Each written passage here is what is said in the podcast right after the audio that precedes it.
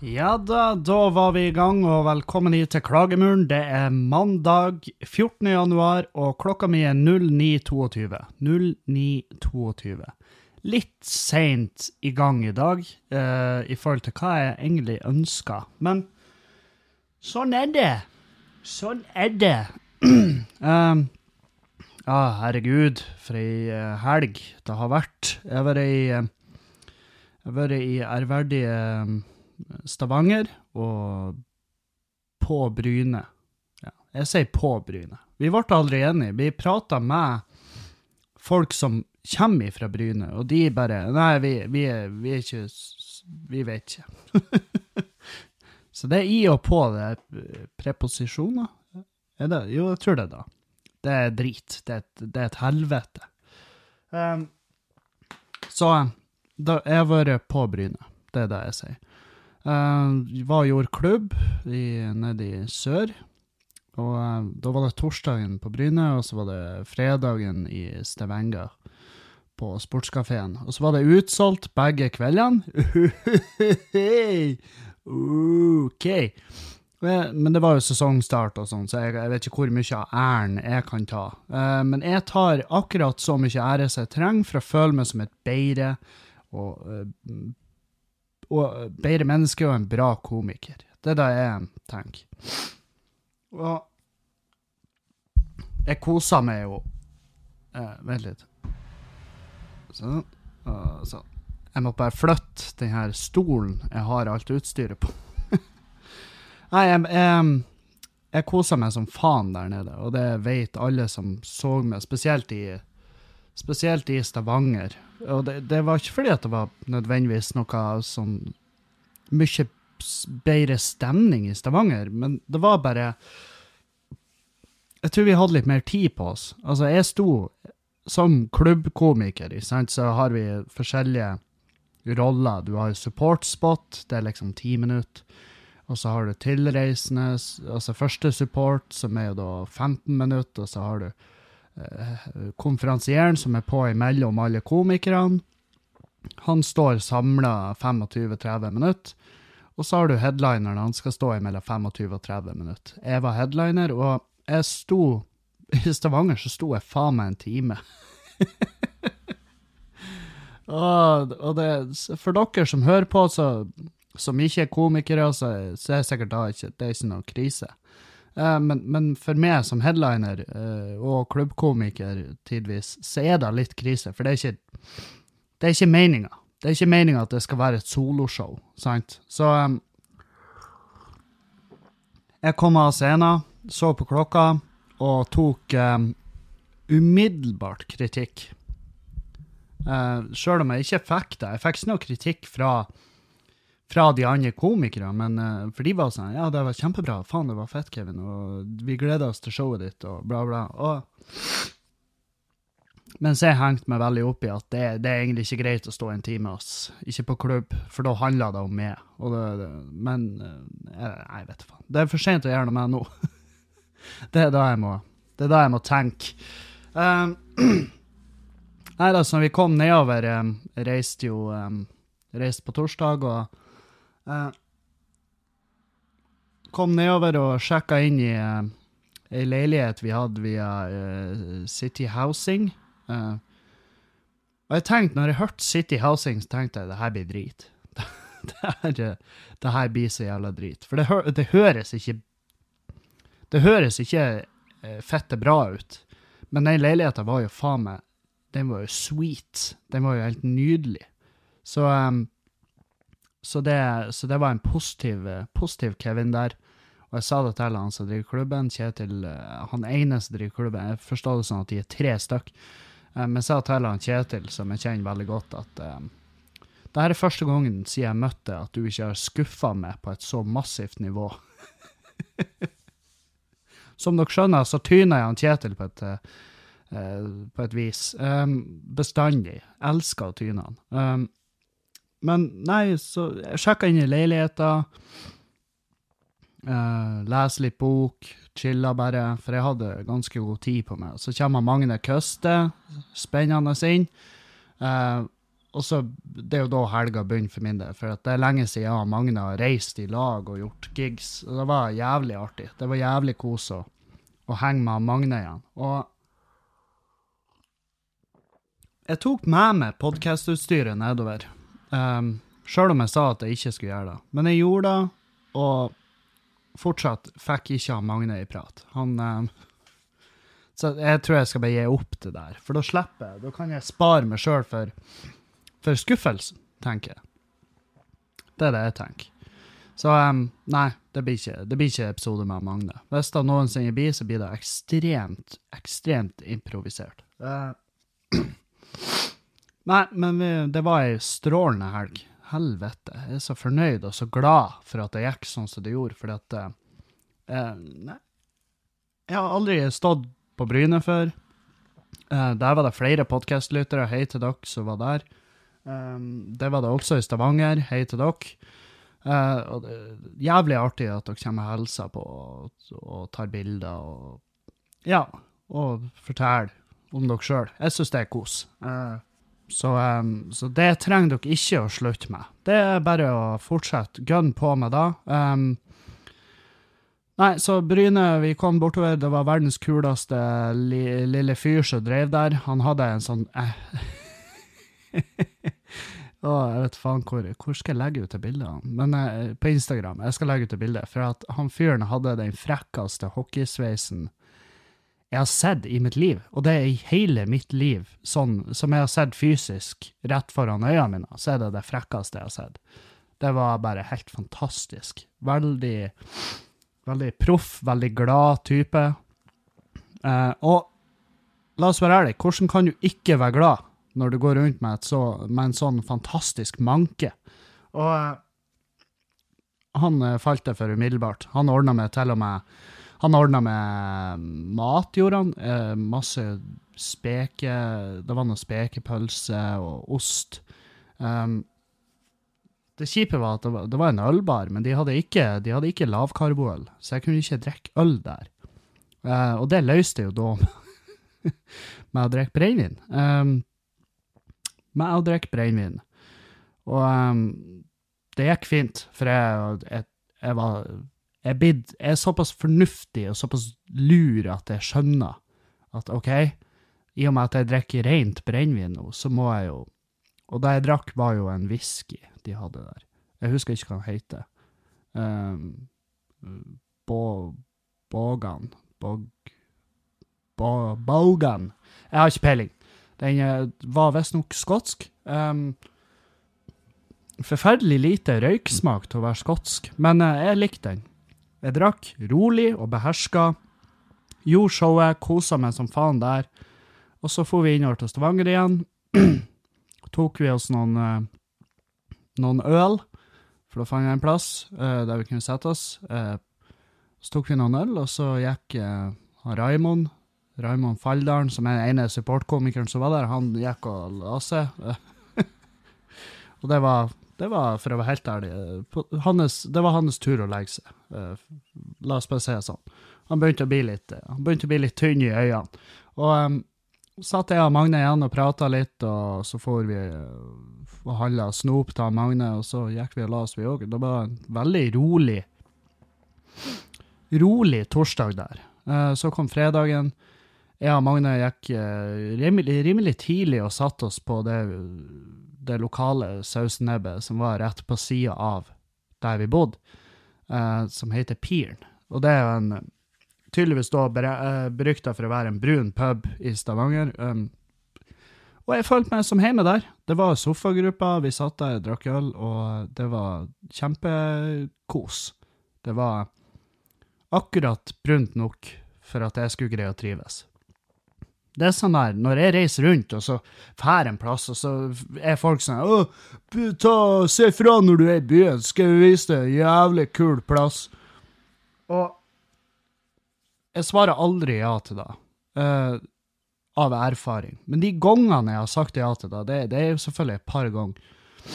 De gangene jeg har sagt ja til det, så har jeg blitt så jævlig skuffa. For da, da bare Å ja, du har virkelig ikke tolka med i det hele tatt. Du, skal ta med meg på en lokal, kul plass, og så ender vi opp på noen sånn gossip-type uh, uteplass, hvor, hvor, jeg går inn, og det, det er bare et Altså, jeg blir Jeg blir møtt med et så enormt jævla ubehag, og jeg Ja, for eksempel gossip i Trondheim, da, hvor jeg tenker at helvete, neste gang jeg skal hit, så er det med Semtex i ryggsekken.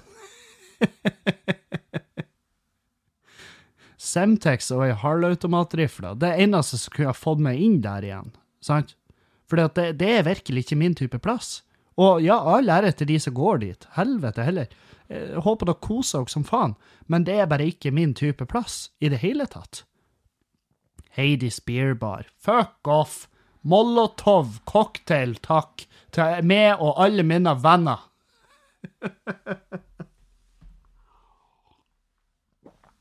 Nei, så Men på uh, Piren, der koser jeg meg. Der koser jeg meg. Koser meg gløgg i hjel i året. Magne var litt tungstarta, så det ble bare meg. Jeg, jeg, tok, jeg drakk to øl på den tida han drakk ei, og så da skjønte jeg jo at OK, Magne er ikke Magne er ikke Han er ikke et sånn, sånn uh, form eller humør at vi det blir, ikke, det blir ikke en fernet til, uh, til, mens vi leser Dagens Næringsliv her. Det blir det, blir det ikke. Så um, nei da, så vi gikk i leilighet igjen. Vi, jeg laga mat til oss, og, og vi bare kosa oss helt fram til vi skulle gjøre show. Og da tassa vi bortover på, på sportskafeen, hvor det var en jævla kul dude som jobba der. Jeg ble kjent med. Han er, jeg har til og med lagt han til på Facebook. Jeg legger ikke til folk på Facebook lenger. Det, med mindre jeg virkelig trenger å ha de der. Men han syntes jeg var kul. Vi prata om uh, rap music, som uh, vi har som en felles interesse. Han har satt opp MOP på sportskafeen. Tenk på det. MOP. En av de mest ikoniske gruppene noensinne. Uh, innenfor rapp. På sportskafeen. Og um, Nei, det, det, har jeg, det har jeg all respekt for. Så um, Hvor faen var jeg? Ja, Nei da, så vi kom bortover dit. Hadde, jeg hadde skrevet med, med sportskafeen på forhånd for å forsørge, uh, forsørge meg om at de hadde Forsørge meg om? Forsikre meg om? Jesus fucking Christ, kan du, kan du Nei, jeg må restarte hjernen. Jesus. Forsikre meg om? uh, kan du forsørge meg om at Nei, vi skal Du kan forsørge deg sjøl, din blakke kuk! Ta så Gå skole og fullfør! Pikkhaug. Um, jeg forsikra meg om at uh, de hadde uh, lavkarboøl, og det viser at uh, det har jeg lært i helga, at lavkarboøl er også glutenfri øl. Altså, glutenfri øl, det er lavkarboøl. For det er samme prosessen, det de gjør. Det er enzymet de bruker fjerne det. Så, um, og det hadde de. De hadde Peroni glutenfri der, og så um, så var liksom alt i orden. Og det hadde han ordna klart til meg når jeg kom, så da, da var jeg insta-forelska i han. Og jeg gjorde den giggen. Vi kosa oss alle som faen. Deilig å se Magne igjen som konferansier, for han er, han er jævla flink på crowdworking. Altså, han prater med publikum og tuller med de. Og, um, og det kan han bare. Han er bare jævla flink på det. Så det det er artig å følge med, prøve å lære seg litt, for jeg er ikke noe dyktig konferansier. Det er sånn, Jeg har angst som faen, for nå til helga skal jeg være konferansier for Standup Bodø, sant? Og da er det Nordlendingen, Skubare og Rockhuset. Torsdag, fredag, lørdag. Og um, jeg er ikke noe dyktig konf. Jeg, jeg, er helt forferdelig på det her, føler jeg. Og um, ja, så det Men det er også godt å føle på den angsten for en gig. At uh, den type angst. At jeg bare Å, Kevin, nå har du tatt deg vann over hodet. Det er den type følelse jeg har. Så jeg må bare, jeg må bare fokusere. Fuckings skjerp meg. Uh, fiks det. Bare få det til å funke. Så Det artige er at eh, Nordlendingen det er straks utsolgt på torsdag. Det er straks utsolgt. Um, og så vi skulle bare på fredag. Det er vel like over halvveis utsolgt, så Og så på Ågskaret er det masse billetter igjen. Men det er jo Meløy-folk. Jeg kjøper forhånd, det er jo Hva det er for noe? Jeg kjøper ikke noe annet enn fond. Ja, men um, nå er det billigere å kjøpe på forhånd. Det må folk få med seg. Det er billigere hvis du kjøper billetter på forhånd. Og det her er noe vi gjør fordi at vi For det første så tar det vi, Det går veldig lang tid i døra når folk skal handle billetter i døra. Det, det går unødvendig lang tid der. Um, I tillegg så er det for å minske angsten vår for om det kommer folk i det hele tatt. Sant? For det er et sånn her typisk problem vi har, at vi går og stresser om det kommer folk eller ikke. Så, um, så derfor har vi gjort det billigere å kjøpe forhånd. Um, og vi er snart utsolgt på Nordlendingen, så hvis du har tenkt deg dit på torsdag, så må du kjøpe nå. Akkurat nå. Og det kan til og med hende det er utsolgt nå, når du hører det her, så bare gjør det nå. Um, og så har vi fredagen på Skubare, der selger det også, det øker og øker og øker. Så jeg, jeg, jeg vet ikke, jeg tror ikke det blir noen billetter igjen til døra der. Og så um, har jeg masse billetter igjen til Ågskaret. Så hvis du ikke får billetter til verken Nordlendingen eller Skubare, så kan du hive det på oss og ta turen i lag med oss til, til uh, ærverdige i Meløy på rockhuset der. Og det blir, det blir jævlig fett, for vi har Jan Tore Kristoffersen som er faen meg Han er så jævlig artig. Eh, altså Han er min min komiker. Er så, han er så fette min type, hele fyren. Så um, jeg gleder meg til å ha JTK i byen. Uh, og så har vi um, og så har vi Emilie Tverbakk, som er lokal. Uh, hun er her fra Bodø, tydeligvis. da. Og det er hun som uh, Det er visstnok hun som korer på RSB og Tomax-låtene. De, de, låtene de har med, med en kvinnestemme. Uh, det er hun som korer der. Og så har vi Jesper Laursen, som er en danske som har begynt med standup i Norge. Han, han, prater norsk, men han prater litt sånn corny norsk, så, um, som i seg sjøl er litt artig. Uh, og så har vi Henning Bang, som er den som er lokale fra Meløy. Han er en nykommer fra Meløy som jeg har veldig trua på. Han, han gjorde en Store-debut på uh, Skubare sist. Og, um, og han, han, er fra Tjongsfjord uh, i Meløy og har erfaring fra revyscener, så han er, ikke, han er ikke klein på scenen. Han har bare et scenetekke og en stemmebruk og en figur som bare er så jævlig bra. Så Nei, så uh, han uh, Jeg anbefaler det. Blir en, det blir en feit runde på klubbkvelder nå. Så ta turen. Ikke, ikke tenk på det. Bare kom. Vi er avhengig av at folk kommer. For det, hvis ikke, så kan vi ikke drive klubber. Og hvis vi ikke kan drive klubb, så kan vi ikke få noen av de kule navnene som vi jobber med å få oppover. Fordi at uh, vi, jeg og Erlend jobber steinhardt med å få noen jævlig kule navn til byen i løpet av året. Så har jeg teasa den. Ah. Nei.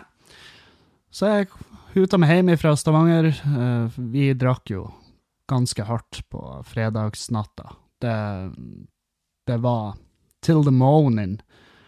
Og um, jeg holdt meg fortsatt på alt. Alt jeg drakk, var lavkarbo. Jævlig fornøyd med det. Um, ikke så fornøyd med formen når jeg våkna på uh, lørdagsmorgenen og skulle rekke For jeg, jeg måtte ta flybussen klokka 7.30. 7.30 måtte jeg ta flybussen ifra, ifra Stavanger, og uh, jeg husker ikke uh, jeg husker ikke så mye. Jeg husker bare at jeg sto der jeg har fått beskjed om at flybussen gikk, men jeg hadde stått på feil side av veien. Og så sto jeg bare der med kofferten og alt, og så sto jeg og kikka på flybussen på andre sida av veien, og den sto parkert der, for det var første, første stoppet den hadde, så han liksom står der til at uh, tida er der. Og til slutt så er sjåføren sånn der uh, Ruller ned ruta og bare 'Skal du ta bussen? Flyplassen?' Og jeg bare 'Ja'. 'Ja, da må du komme her.' Og jeg bare 'Å, OK'. Uh. Og så halta jeg meg over veien som en jævla tosk. Da har jeg stått og hatt øyekontakt med bussjåføren kjempelenge. Og um, jeg vet faen, det, det, er det deilige med de der dagene. Det er bare når, når det er tre aktive hjerneceller som jobber i skallen min og to av de er travelt opptatt med å sørge for at jeg puster. Det er liksom, det er den feelingen jeg har. Og eh, satt meg om bord, betalt for meg og søvna av. Og eh, jeg satt helt fremst i bussen og eh, søvna og jeg var siste mann av. Bussen var ganske full når vi kom til flyplassen, men uh, det var sånn her Og jeg hadde, ikke, jeg hadde ikke sykt god tid heller. Jeg hadde ikke tid til å gå rundt og kikke meg om på flyplassen, men jeg, jeg, jeg var bare sånn Jeg orka ikke å bryte meg inn. Jeg venta til alle er gått av. Og um, kom meg om bord i flyet, og da um, begynte dagen min å lysne litt, for jeg fikk meg en kopp kaffe, og da Det er utrolig hva det gjør med meg. Jeg vet ikke om det er placebo, eller om det er faktisk koffeinet som gjør det, men, men det gjør underverk med meg. Det, det, er, det, er, faen ikke å komme utenom, fordi at um, Nei, jeg bare funka bedre. Så jeg satt på flyet og Jeg har lyst til å si at jeg leste, men det gjorde jeg ikke. Jeg satt med, satt med iPaden og så så Peaky Blinders. Det var en forferdelig dårlig dialekt. Jeg beklager det. Uh, men uh, Peaky Blinders, som Som jeg, for å være helt ærlig, ikke har sett før. Jeg har prøvd å se det, men de to første episodene var så tunge at jeg på en måte datt av veldig tidlig. Jeg vet ikke om jeg hadde andre serier som jeg fulgte med på, på, på det tidspunktet når jeg oppdaga selve serien, men, men uh, jeg og så bare var jeg i et sånt punkt der Netflix var liksom du vet, når, du vet når du er inne på Netflix og bare ingen fuckings ting er interessant. Du blar Du kan bruke en time på å bla i menyen. Og, og um, da, da, tenkte jeg bare fuck det her. Helvete òg. Og så satt jeg på jeg snub, Da bare plutselig var på Peaky Blinders, så var det sånn Ja, folk sier det er bra, og jeg, jeg syns ikke da etter sist jeg prøvde å se det, men vi prøver på nytt. Så begynte jeg fra episode én. Og, og det her var like før helga. Det var like før helga at jeg så episode én og to. Og så bare Nå er jeg straks ferdig. det har faen meg gått i ett. Altså, jeg har sett så mye Peaky Blinders nå at, uh, at uh, du aner ikke. Jeg syns det er en dritkul serie. Digga den. Tommy Shelby, faen for en iskald jævel. Og um, nei, Ta og eh, Det er min anbefaling for i dag. Peaky Blinders. Det er virkelig verdt tida di. Oi, oi, oi. Nei, så jeg kommer hjem, og Julianne var og henta meg på flyplassen. Og så var det rett hjem, spise litt. Og så for vi ned på hovedkontoret, hovedsentralen til Dyrebeskyttelsen. For da har hun sagt seg frivillig til å hjelpe til å rydde der. Så var det da var hun og ei anna ei, og så var det jeg. Og det var virkelig ikke da jeg snakka om, når jeg var såpass fullsjuk som jeg var. jeg var ikke mye til hjelp for de stakkars jentene. Jeg var Jeg var Jeg lå på sofaen der og bare nerda, slappa av. Um, og så uh, heiv Når de var kommet til det punktet at alt som skulle hives, var klart, så heiv jeg i bilen, og så får vi og tømte den. Men det gikk en tre timer der hvor, eh, hvor jeg bare ikke hadde noe behagelig i det hele tatt. Kosa meg ikke litt engang. Og, men etterpå så følte jeg jo at ja, nå har du gjort noe Nå har du brukt faktisk dagen derpå på noe fornuftig. For første gang på ja, hvor jævla lenge? Hvor lenge sier det at noen har brukt dagen derpå på noe som som ikke bare gagner de i form av mat eller knull noen, sant?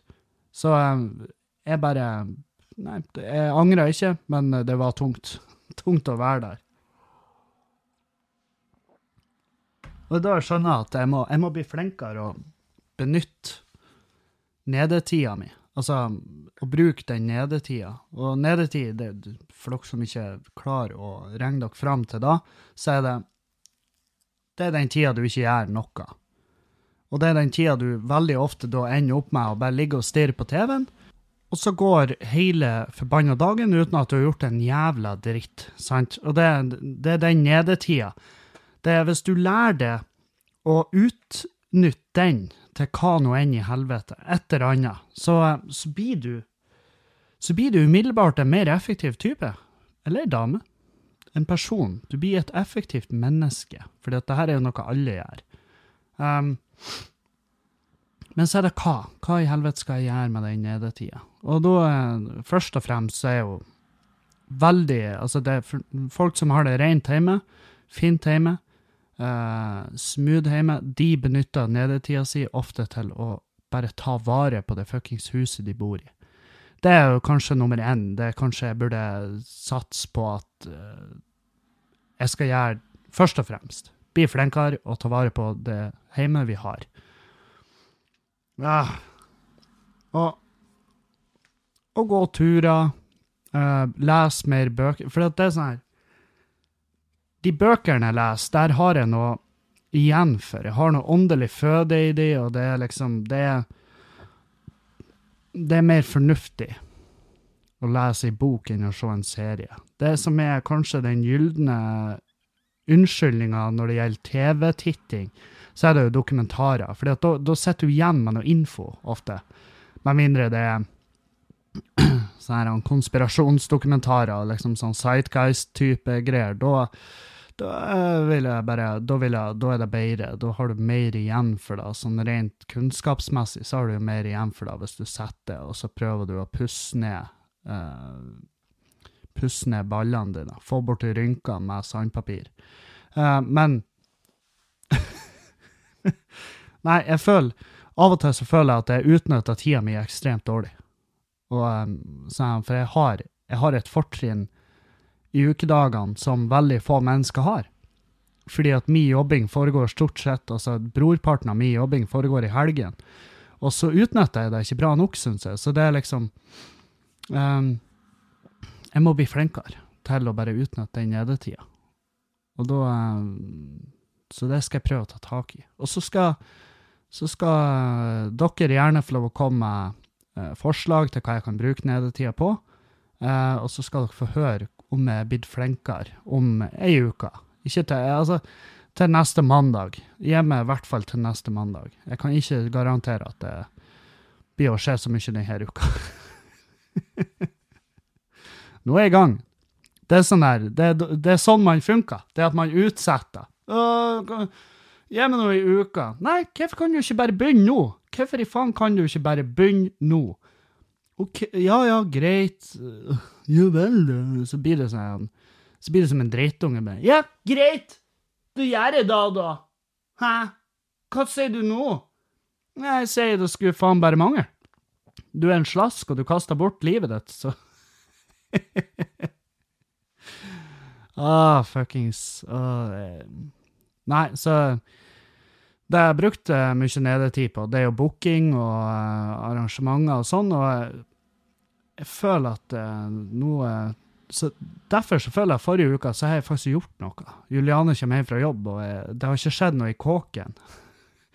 og da er jo Altså, hun har jo ikke lyst til å spørre.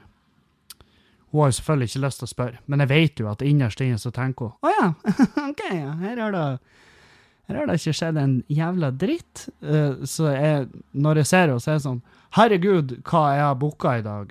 Og, og, da vet jeg at da skjønner hun at OK, han har faktisk gjort noe. For jeg tror det da Jeg tror ikke hun, jeg tror ikke hun blir sint fordi at det ser rotete ut hjemme. Jeg tror hun blir sint hvis hun kommer hjem og jeg bare ligger der, og hun bare 'Hva du har gjort?' Vet du hva, ingenting. Jeg har ikke rørt meg. Jeg jeg, jeg har ikke gjort noe. Sant?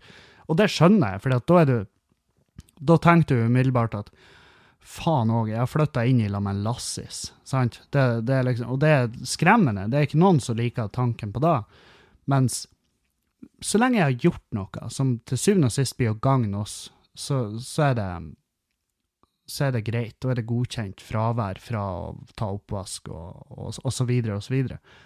Men eh, men nei, jeg, jeg, skal bli mye flinkere på det. Og det er sånn her, fordi at jeg, Nå roer jeg ned med spillinga på PS4-en, fordi at eh, det, det, det ble mye spilling. Det ble, og det verste av alt, det var spillinga gikk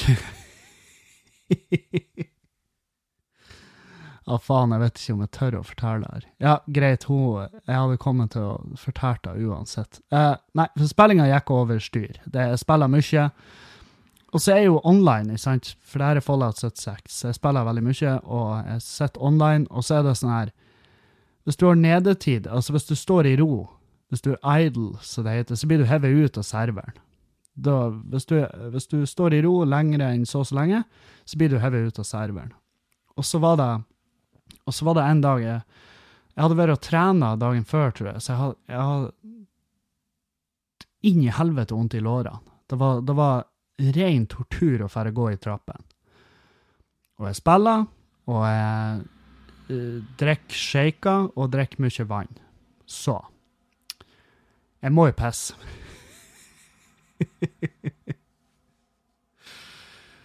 og, uh, og jeg tok meg sjøl i å pisse i um, Pisse i Jesus, for en idiot. Jeg pissa i vasken.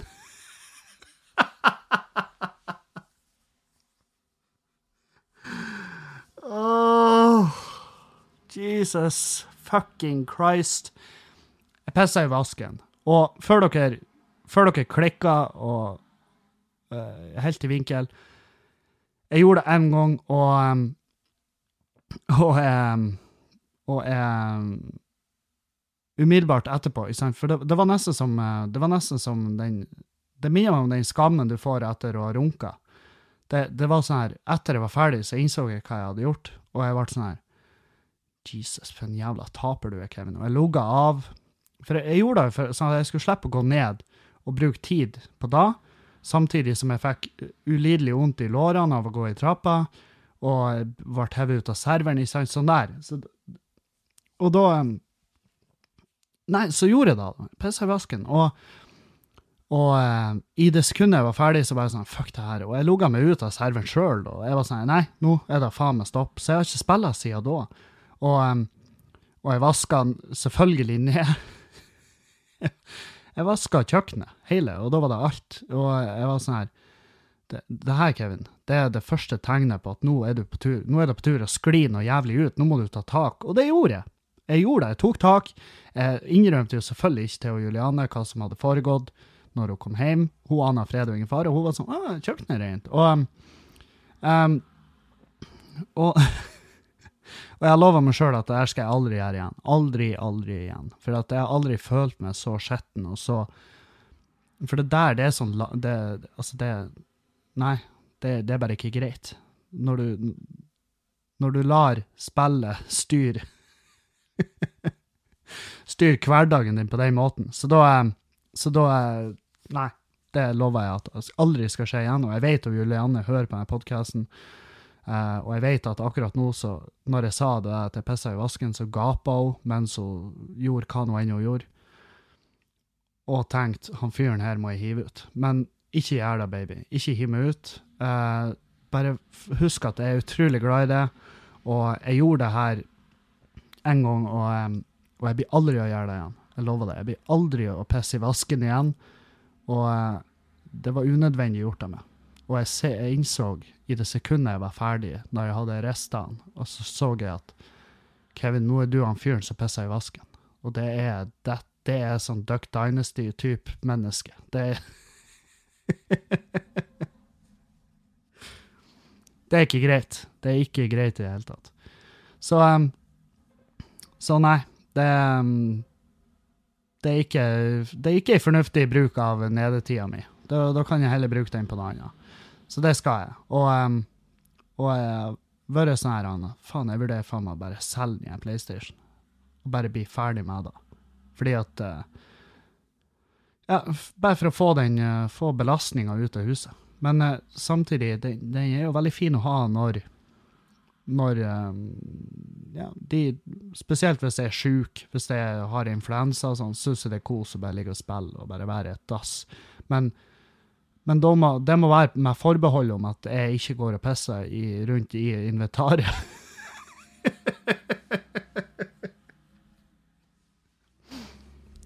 Hvorfor Jeg tenker på det etterpå. Hvorfor pisser jeg ikke i kattekassen?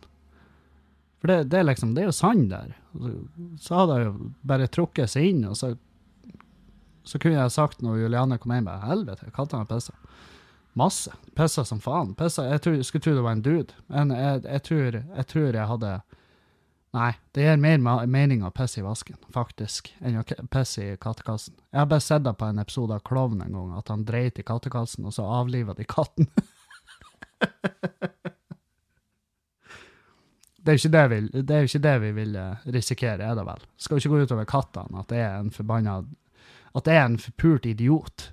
Herregud, for en, for en dass jeg er. Jeg, jeg har tenkt så mye på det der. Helvete, for et forferdelig dårlig menneske jeg er. Bare Av alt fucked up shit jeg har gjort i mitt liv.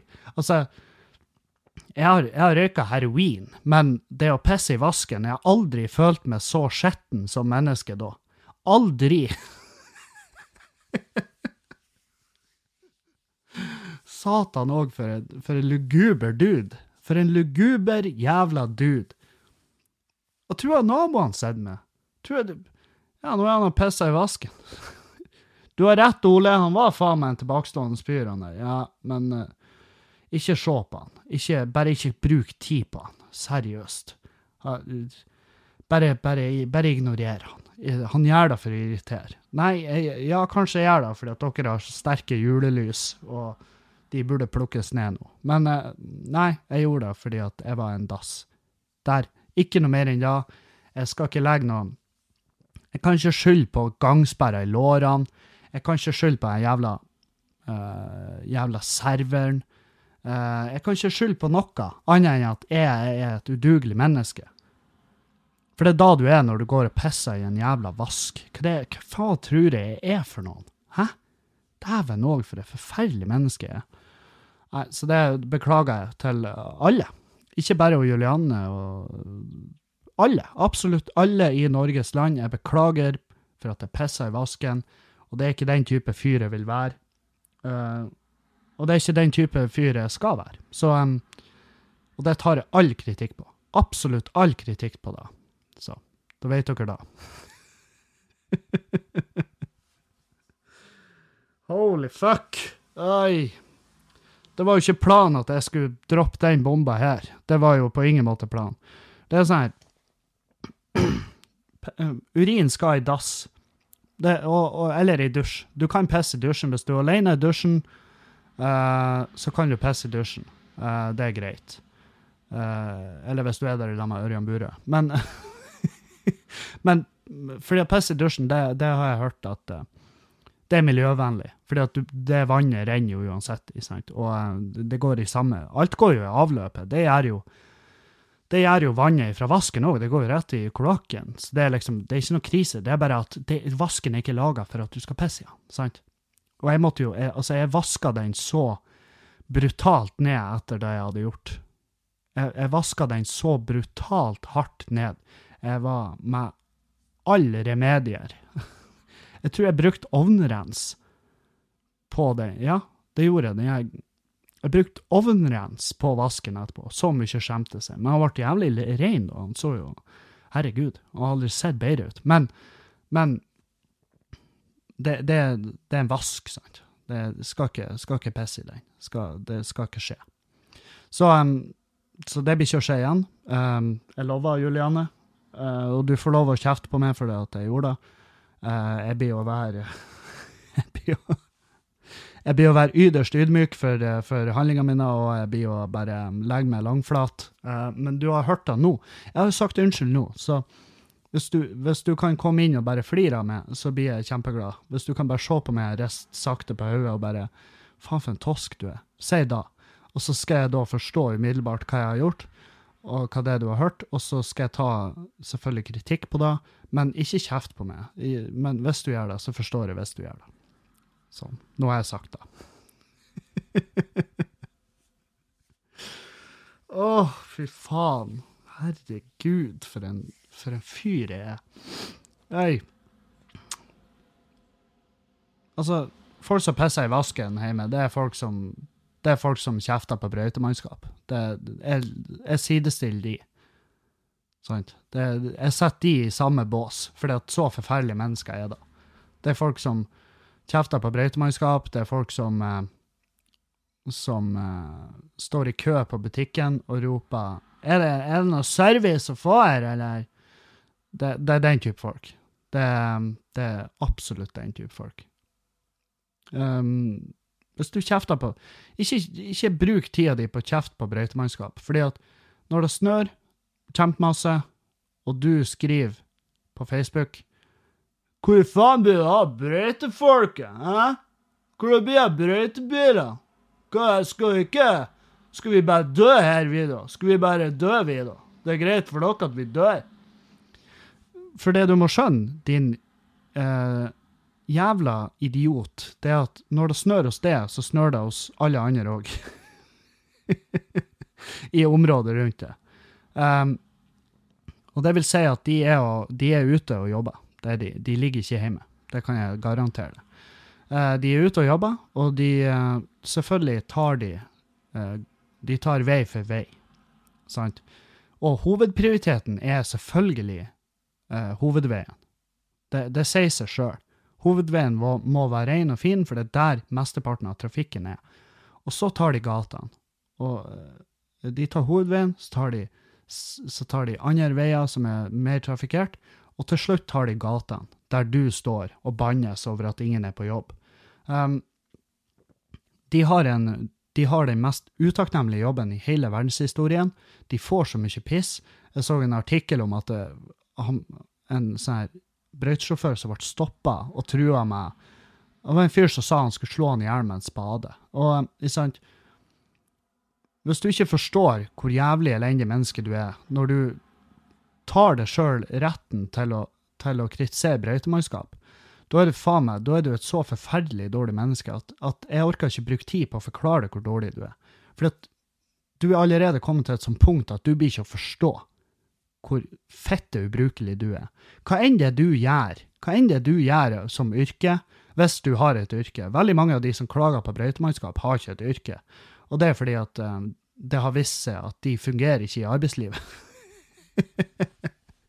Men uansett, hvis du har et yrke, så um, må du forstå at uh, jeg tipper du suger i det yrket. Jeg tipper du er elendig i det yrket. Jeg tipper de du jobber i lag med, syns du er en plagsom kuk, og at veldig mange møter, sånne medarbeidersamtaler, går ut på hvordan du gjør arbeidsdagen og miljøet på kontoret til et helvete fordi at du er, at du er et belærende jævla drittmenneske, og ingen egentlig liker det. Det er en ting du må ta høyde for. Hvis du klager på brøytemannskapet i det offentlige rom, så er du faktisk mest sannsynlig et menneske som ikke blir godt likt av verken venner Altså, vennene dine er venner fordi at de tror at det, at det må de være. Helt til den dagen de forstår at 'Å ja, jeg trenger ikke å forholde meg til denne personen'. Ja, men da Da eh, da gir jeg jo bare faen i å henge med han. Ja, det burde de, og eh, det blir de å gjøre før eller siden. Og du blir ikke å forstå hvorfor, fordi at du har null jævla sjølinnsikt. Du har ingen jævla sjølinnsikt, du har ikke brukt et forpult sekund på å tenke hvordan er det mennesker ser med. Og så, den dagen du innser det, så blir du selvfølgelig dypt deprimert, og så finner du Jesus eller noe sånt der jævla piss. Uh, hva nå enn du må finne for at du skal begynne å jobbe med det sjøl, er faen. Uh, du skal faktisk, fra meg skal du få tommel opp for å finne Jesus. Fordi at du blir Du kan jo mulig bli verre enn det du er når du klager på brøytemannskap. Fordi at det er folk som jobber med det her, og de er ute der, og det er det gjengen som kun får skryt av hverandre. Fordi at menneskene rundt, de er sånn Ja, ja, nå først kommer dere! Det, da tenker jeg Å, oh, fuck det. Og det er derfor jeg aldri kunne jobbe som brøytemannskap. Fordi at jeg hadde ikke greid å holde kjeft når jeg møtte på sånne folk som eh, er så forpult utakknemlige. Jeg hadde kommet til å lagt enorme skavler, snøskavler i din innkjørsel, og så har jeg kommet til å vist finger. Jeg har kanskje vist kuken til det, og så, og så har jeg bare flira. Det det, det, det er da du fortjener. I beste fall så er det da du fortjener. Eh, La brøytefolk bare gjøre jobben sin. La de være i fred. Gi dem en klapp på skuldra hvis du ser dem, og bare Ja, dæven, du, dere har noe å gjøre. Det er lov å si. Fy faen, dere har sikkert noen travle dager. Det er lov å si. Ikke si du, når er det dere skal ta gata mi her, skjønner du ikke at jeg må på jobb? Ja, du og alle fuckings andre, din jævla idiot.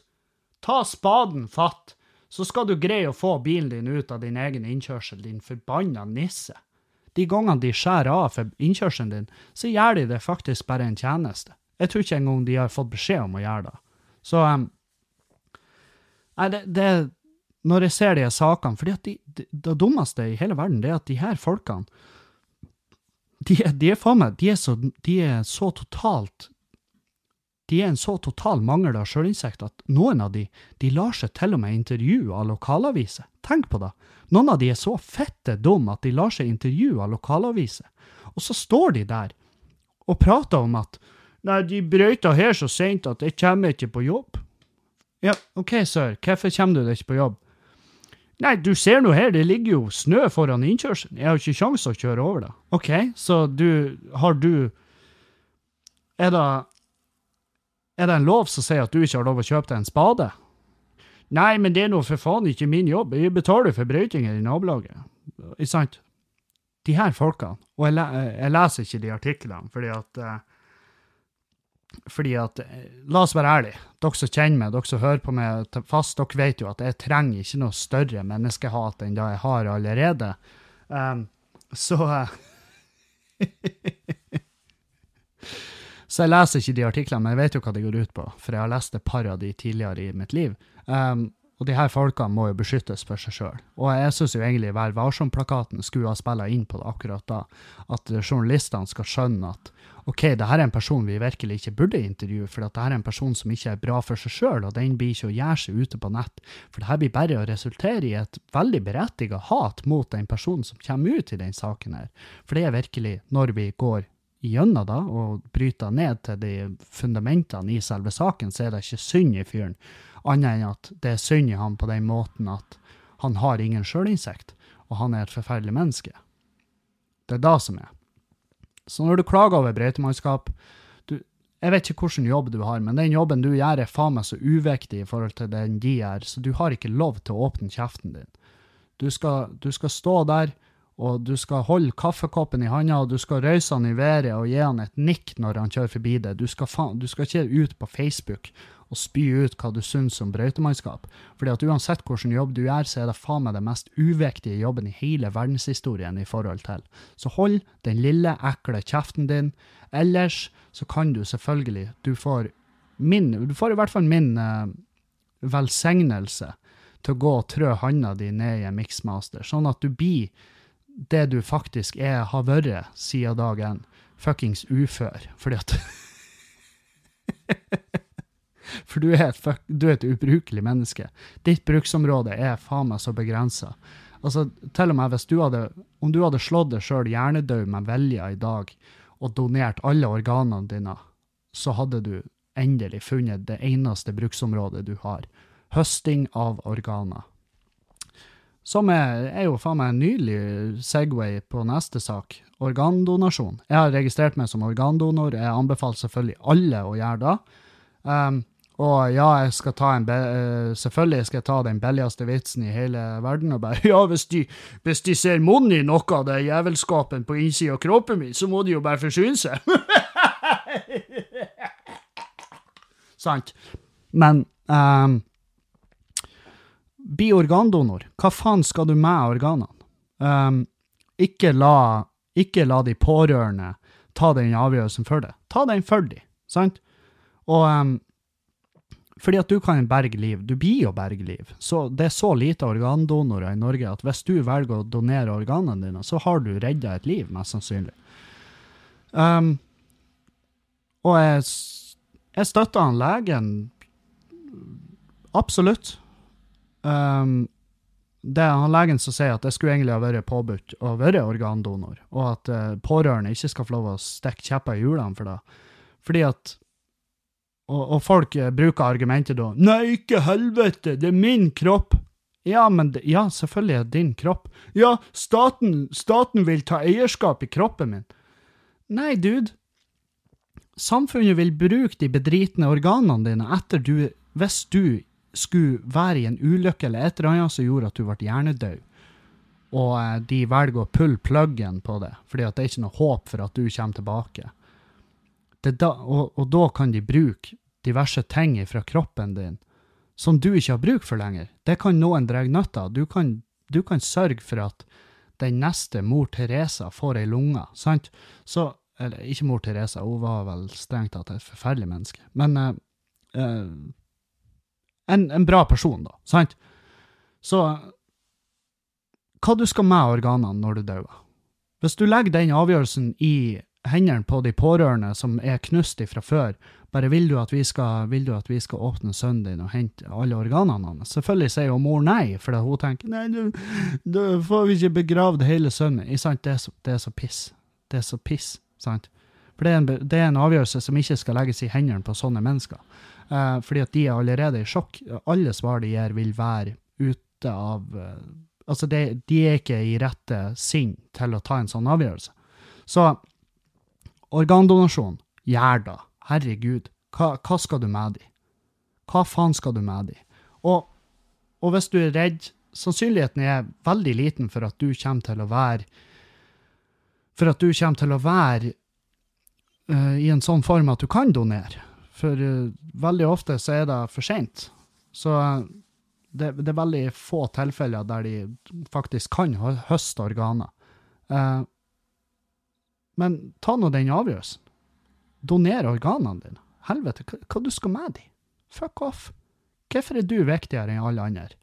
Bare doner de. Og det, da du, du gir ikke ting til staten. Folk bare Ja, men staten selger organene til, uh, til høystbydende. Nei, det, finnes, det er ikke noe QXL for organer i Norge.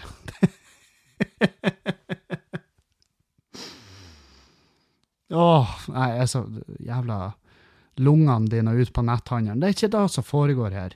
Det, det, der er donorlister, der er ei liste over folk som trenger transplantasjoner. De blir vurdert av et panel med, med fagkyndige mennesker, og hvis det kommer inn organer, så deles de ut én etter én. Og det, det, det det er ikke noe sånn at det er en fyr i dress som går inn og sier nei, han her fyren skal ha organene først, for han har betalt for Vestfløya på det her sykehuset. Det er ikke sånn det funker. Det, det, er ikke det. Det er ikke det. Så um, nei, doner de. Og jeg har jo selvfølgelig fått tilsendt 400 ganger den jævla kommentaren til For det var jo et sånn her ja, Et mildt sagt udugelig menneske som var Som klarte å få organ... Uh, den donasjonssaken der til å ha, handle om Ja, bare hør. Ønsker ikke at mine organer skal gå til folk som er veganere, som ikke er veganere. Vil ikke at mine organer skal bidra til videre, videre lidelse blant dyr. I mange tilfeller er jo sykdommene selvforskyldt via et animalsk kosthold. Om jeg bruker mesteparten av livet mitt for å kjempe for dyrs rettigheter og frihet, så blir det bare for dumt at organene mine skal bidra til, jeg, til det jeg jobbet så hardt imot. Uh, så hun sier basically at hvis hun uh, skal donere sine organer, skal det være til en veganer. Uh, hvis ikke, så vil hun ikke. Og, um, og da tenker jeg at ja, greit, da donerer ikke du organer, da. Fordi at Med fare for at din mangel på intelligens videreføres via DNA-et som er i de organene. Så har vi tatt en vurdering, og det vil si at uh, vi er kommet fram til at du, får ikke lov å donere organer, med fare for at din sinnslidelse ligger igjen i, uh, innprinta i DNA-et i de lungene eller den levra. Um, så da, du, du, har fritak fra å donere dine organer, fordi at du er et søppelmenneske. Altså, vi, vi kjøttetere, vi er et søppel, men du er, du er søppel. Så det, der har du forskjellen på oss, da. Så, og jeg hadde jeg Jeg lurer på om hvis det hadde ligget Jeg hadde jo gladelig tatt imot hennes organer. Så jævlig òg. Og, og, det jeg skulle ha gjort, jeg skulle ha tatt imot de organene, skulle ha blitt frisk, jeg skulle ha trena meg opp, og så skulle jeg gått ut, tatt med meg en campingstol, og så skulle jeg spist en 390 grams bacon cheese-tallerken på grava di, de jævla fetta. Og så skulle jeg flira og sagt Den så du ikke kom. Den så du ikke kom. For det at Sånn der jeg vet, jeg vet, ikke hvordan jeg skal Jeg vet ikke hvordan jeg skal Jeg klarer ikke å sette meg i hennes jævla sko engang. Jeg så jævla, så jævla dumt er det der. At, eh, og hun har jo fått mye hat for det. og, og um, det trenger jo ikke gi hat for det. Det er jo bare å si at vet du hva, du er faktisk, du er faktisk ikke min type menneske. og det er hun ikke. Hun er jo ikke det.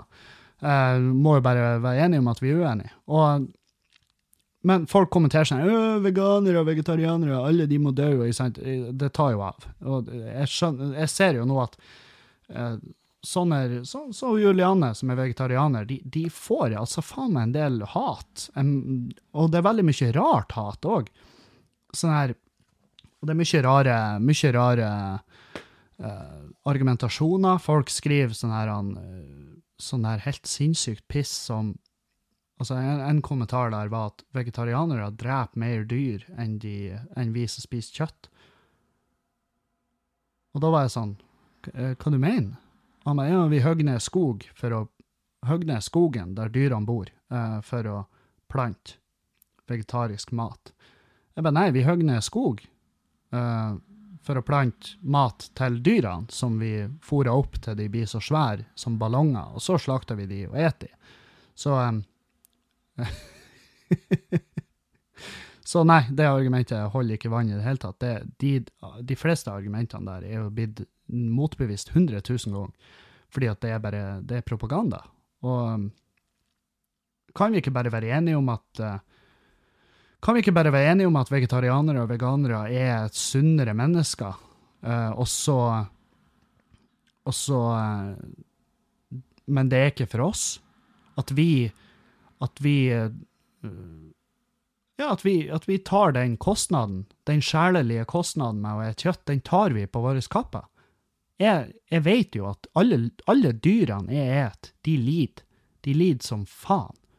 Altså, alt av dyr du et, har, har det ikke kjekt. Det er ingen av de dyrene som har det digg på de, i de innhegningene og de fabrikkene der de blir slakta ned. Det er ingen av de som koser seg. Det er ingen av de som koser seg, og det tar jeg bare. Det er en kostnad jeg er klar over, og den tar jeg på min samvittighet. Og da, i hvert fall, så eh, tenker jeg Ja, da er det i hvert fall Da, da er jeg pliktig til å nyte det måltidet. Jeg får ikke lov å ligge og skjemmes etterpå, fordi at det dyret har bota med livet sitt, sånn at jeg kunne et en hamburger eller høyrygg av okse eller pinnekjøtt, eller uansett, fordi at det er dyr som fuckings lider. Og det, og det er en kostnad jeg tar. Kan vi ikke heller bare være enige om da at vi bare anerkjenner at vi er forskjellige mennesker? Og de har tatt valg som ikke går uh, i lik grad utover dyr, som vi har gjort. Og um, dere må gjerne komme med motargument uh, her og fortelle meg at frittgående høner har det digg, men uh, det, det, har de ikke. Uh, frittgående høne er en kjempeartig betegnelse. Jeg anbefaler dere å google det for å innse at OK, frittgående høne, det er ikke, det er ikke sånn som på det er ikke sånn som på tegnefilm, at det er 15 dekar med jord og gress der de hønene får springe, og så koser de seg og spiller de strandvolleyball fram til at vi dreper dem fordi at de ikke produserer nok uh, egg. Nei, det er ikke sånn det funker. De, det er fortsatt rimelig trangt der. det er ganske trangt der. Så um, um, la selvfølgelig la, ikke dra alle vegetarianere og veganere over en kam. Jeg leste denne kommentaren til Juliane, og hun var sånn Hvorfor leser du her til meg? Og jeg var sånn Nei, hva du tenker? Og hun bare Selvfølgelig tenker jeg at det her er idioti. Sant? Det var det fjeset hun hadde. Um, fordi at Skal ikke Det, det er en det er ett menneske som tenker det her, og hun er eh, klart og tydelig forstyrra, og det er noe feil med henne hun har verdier som er helt forkastelige, men det gjenspeiler ikke verdiene som resten av det gjengen har. Så slapp av. Slapp til helvete av. Uh, ja. Nei, jeg vet da faen. Jeg vet da faen. Skal vi se um, Ja, jeg har eh, Jeg har um, sånne spørsmål som jeg får ofte, som hvorfor jeg starta podkasten. Og liksom, hvorfor starta jeg podkasten, og har jeg samme har jeg samme motivasjon i dag som når jeg starta den? Og det er et jævlig det, det, er altså kanskje det beste spørsmålet jeg har fått. Um, fordi at det spørsmålet altså Svaret på det spørsmålet forandrer seg fra episode til episode. Um, altså Hvorfor jeg starta den, var, det var rett og slett fordi at det var fordi at jeg var ensom. Jeg hadde lite å gjøre. Jeg følte at jeg utnytta dagene mine til ikke engang til det minimumet. Så jeg måtte ha noe å gjøre. Jeg kjeda meg. Jeg ville få kontakt med folk der ute. fansen og, og bygge noe annet. Um, og ja, jeg ville bare gjøre noe. Jeg ville bare bli flink til noe. Jeg vet faen. Det, det, jeg husker veldig lite fra den tida, for jeg var såpass sjuk når jeg begynte. Jeg har hørt litt på episode én. Jeg klarer ikke å høre mer enn jeg vet faen, ti minutter før jeg bare Helvete, det her Det her er drit.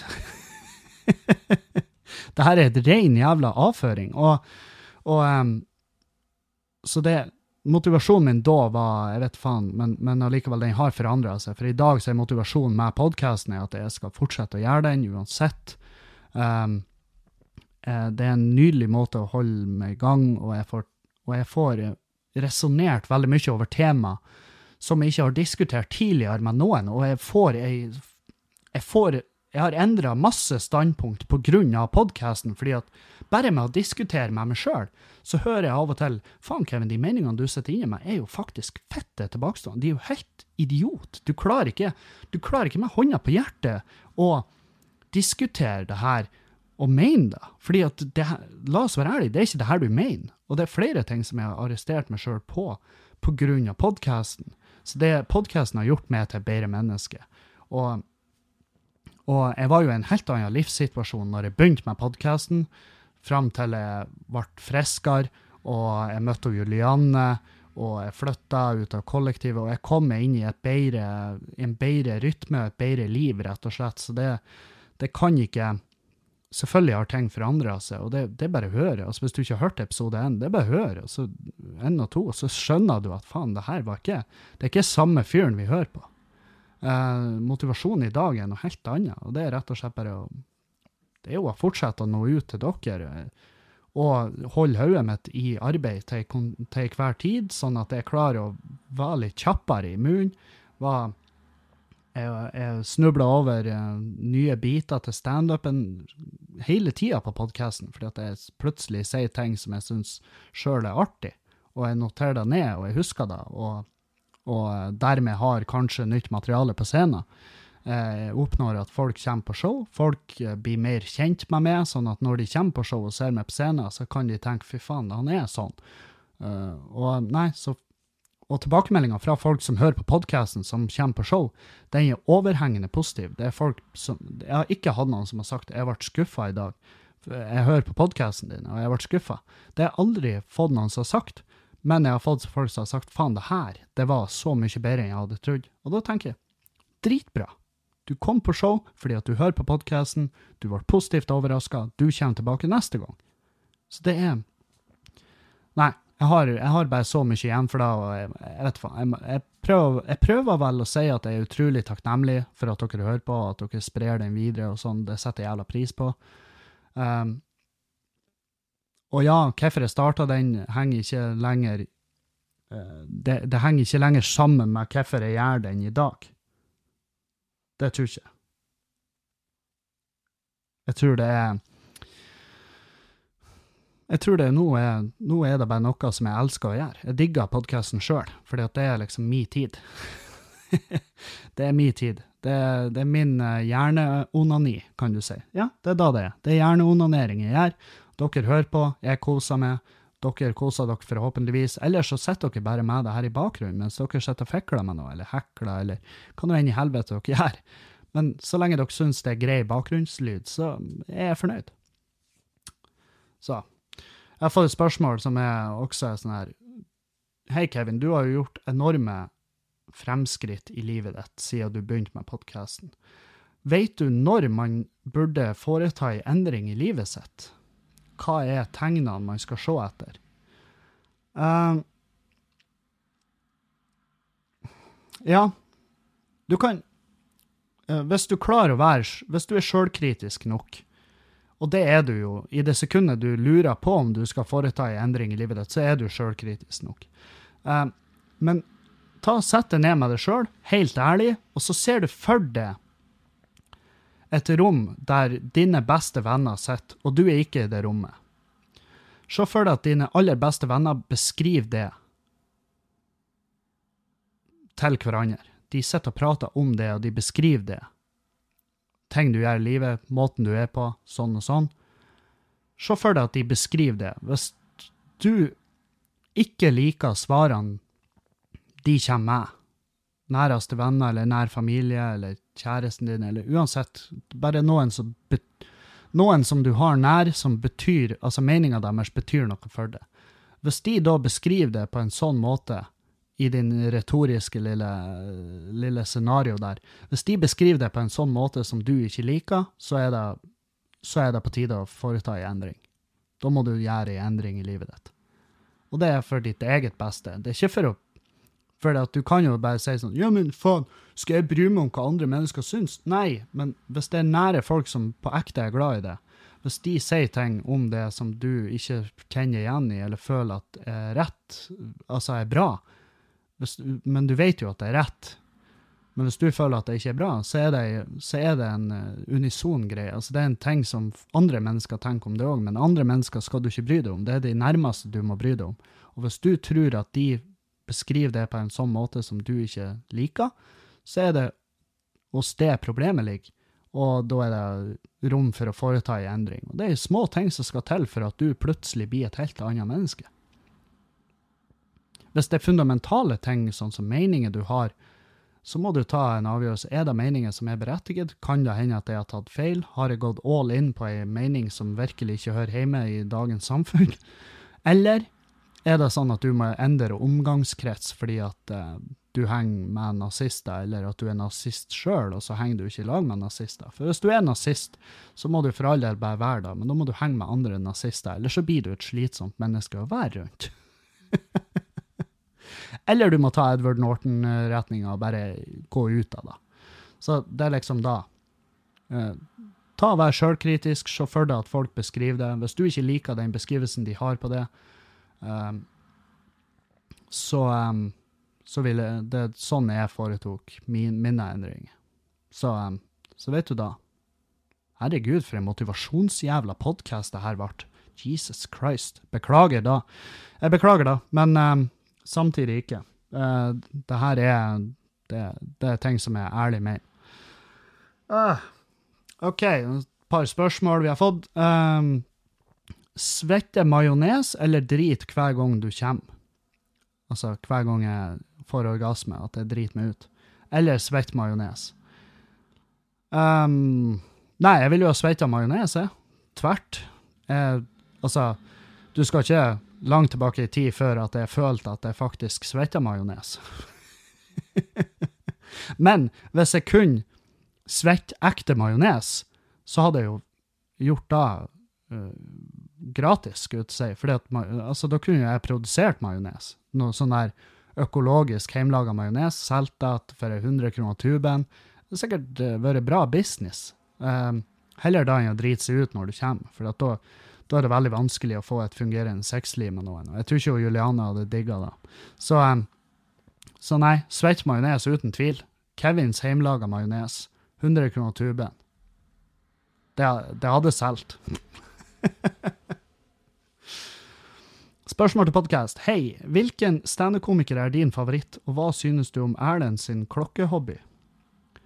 Uh, OK, ja, det er jo to spørsmål, da. Uh, min standup-komiker som er min favoritt Ja, i Norge så er det så uh, har jeg selvfølgelig en kjærlighet fra Erlend Osnes. Han betyr alt for meg. Jeg må gjerne få takke han, for han har løfta meg opp og hjelpa meg fram til der jeg er i dag. Um, nei, jeg setter pris på Dag Sørås. Han, eh, får, han lærer meg ting. Når han er på scenen, så lærer jeg noe. Jeg går derifra og vet mer enn når jeg kom dit. Jeg flirer av han. Jan Tore Christoffersen får meg Han gir meg latterkrampe ofte.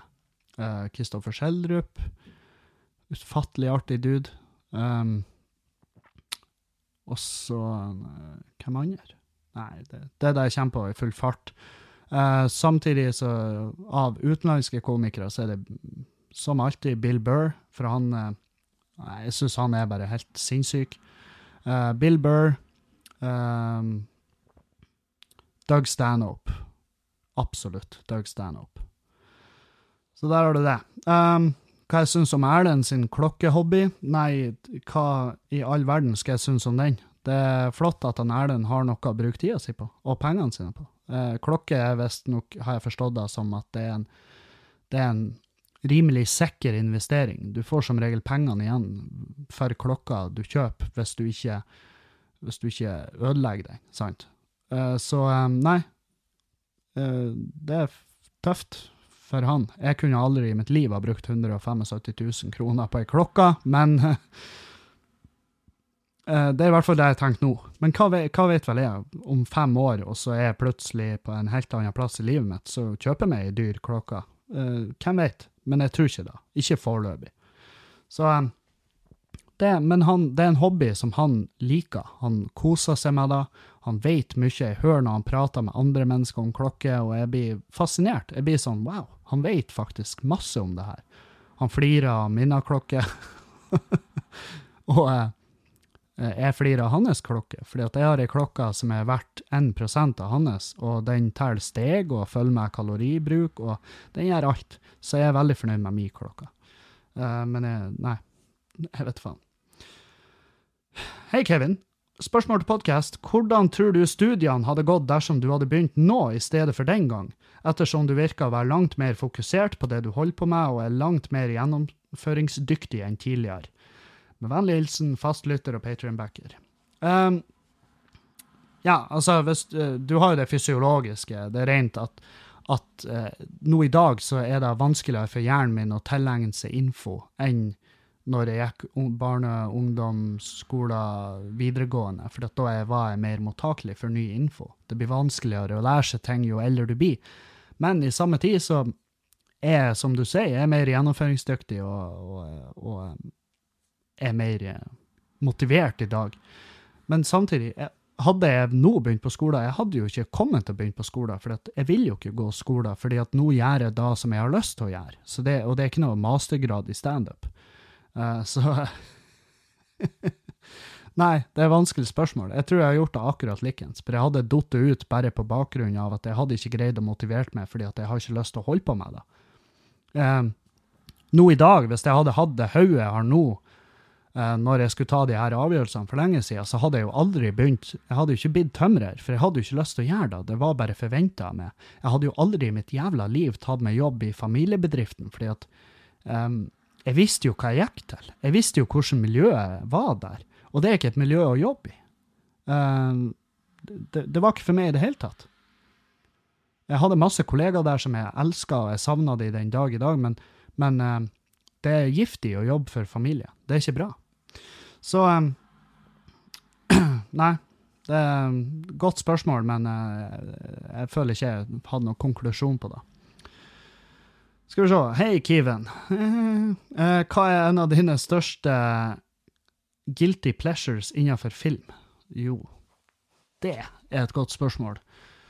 Um, faen, jeg husker jeg digga den PS I Love You. Den der han faren til han Dean og han Sam Winchester spiller. Han som er han uh, Negan i Walking Dead. Han er en jævla, Jeg liker han som skuespiller, og det berga den filmen for meg. Han spiller i den, og så tror jeg han Var det han Gerard Butler? Ja, jeg lurer på om det var han. Det, det er en kjærlighetsfilm, uh, men jeg skrek. Uh, den filmen det er kanskje en av mine største guilty pleasures. How High med Redman og Method Man. Uh, den kan jeg se i dag og flire, sjøl om det er kanskje en av historiens dårligste filmer.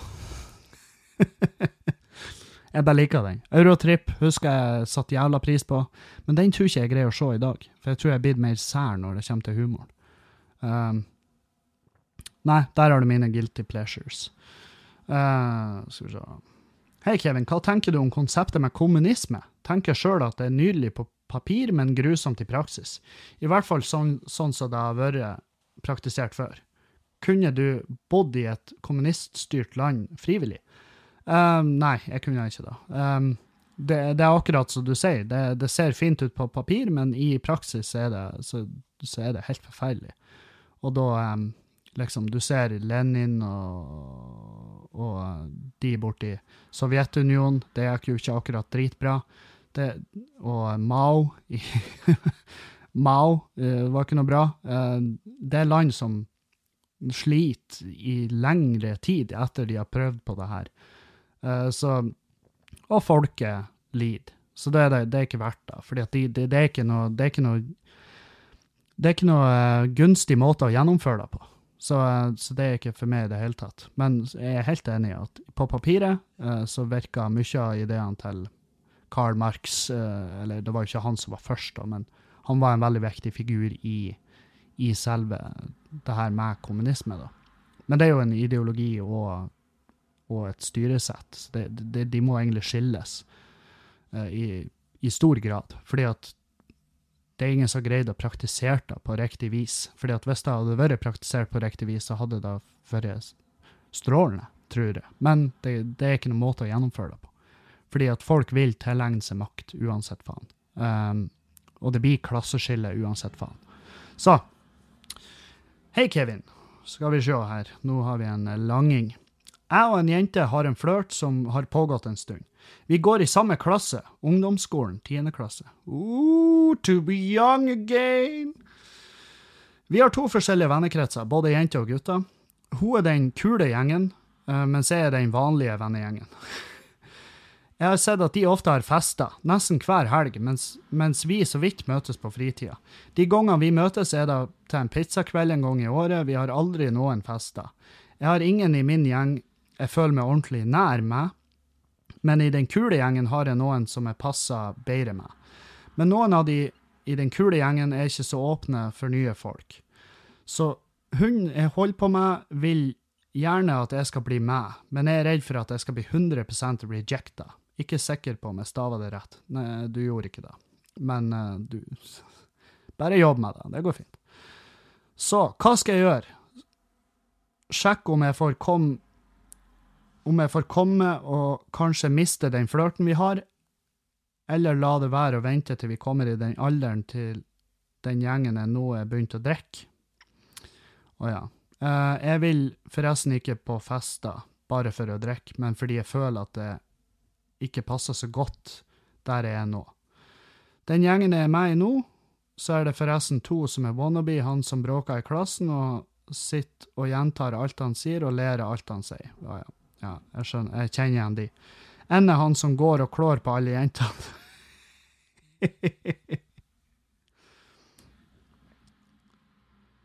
en har noe høvelig rar diagnose som gjør at han hopper og rister når han tenker på John Deere. og en er helt vanlig. PS, takk for forrige svar. Uh, jeg husker ikke hva forrige svar var, men jeg elsker podkasten, og sorry for utydelig forklaring. Um, Nei, hvis du føler at du har flere folk du kobler med i den kule gjengen, så ville jo jeg ha prøvd å joine den gjengen. Men, men, ikke glem guttene dine. Ikke glem han uh, Shaky John Deere og uh, han som klør på jentene. Uh, I tiende klasse så klør man. Det, det klør i alle himmelretninger. Bare, men pass på han, at han ikke blir for ekkel, for da, det, det er et mønster som kan fortsette. Men prøv det på det nye gjenget. Blir du rejecta, så blir du da. Det er ikke noe verre enn det. Da får du, får du et nei, så får du et nei. Bare ikke stress, da. Ikke vær Ikke ikke gå så hardt inn at du driter ut, liksom. Men gå inn, prøv det. Hvis de sier fuck off, så sier du OK, det er greit for meg. Bare spill det, play it cool. Og um, lykke til. Men uh, ikke prøv for hardt. Da, da ender du opp på bar bakke i begge himmelretninger. Så Nei, ta det med ro, ikke stress. Det ordna seg, det her. Um, og det var faktisk um, alle spørsmålene vi hadde. Um, takk, for, takk, for, at dere sender inn spørsmål. Det setter jeg jævla pris på. Uh, fortsett med det. Send inn spørsmål, tema dere vil jeg skal snakke om. Dette er òg viktig. Tema dere vil jeg skal snakke om. Jeg trenger hjelp til det til tider. Så send inn. Hvis det er noe du vil høre min mening om, eller uansett, send meg det. Uh, Takk til alle som sponser på Patrion. Um, og takk til alle som kommer på show. Jeg har nå 17. og 18. i Bodø. Jeg har 19. januar på Ågskaret i Meløy. Jeg har 25. januar på Ludo Bar og Scene i Harstad. Det begynner å bli lite billetter igjen. Kjøp billetter der hvis du skal komme på det showet. Jeg har 5. februar på SNN Scene på Driv i Tromsø. 5. februar på SNN Scene Driv i Tromsø. Billettene er i salg eh, ca. når du hører det her. Eh, de er i hvert fall i salg klokka tolv på mandag. 8. februar på Malmen i Narvik. 9. februar på sosialkontoret i Ballangen. Uh, Malmen i Narvik, der uh, selger billettene all, godt. Uh, på sosialkontoret i Ballangen er det snart utsolgt, så uh, skynd dere. Kjøp billetter på forhånd. Vær så snill å kjøpe på forhånd. Takk for meg. Ha det godt. Vi høres på torsdag. Vi høres på torsdag. Auf Wiedersehen!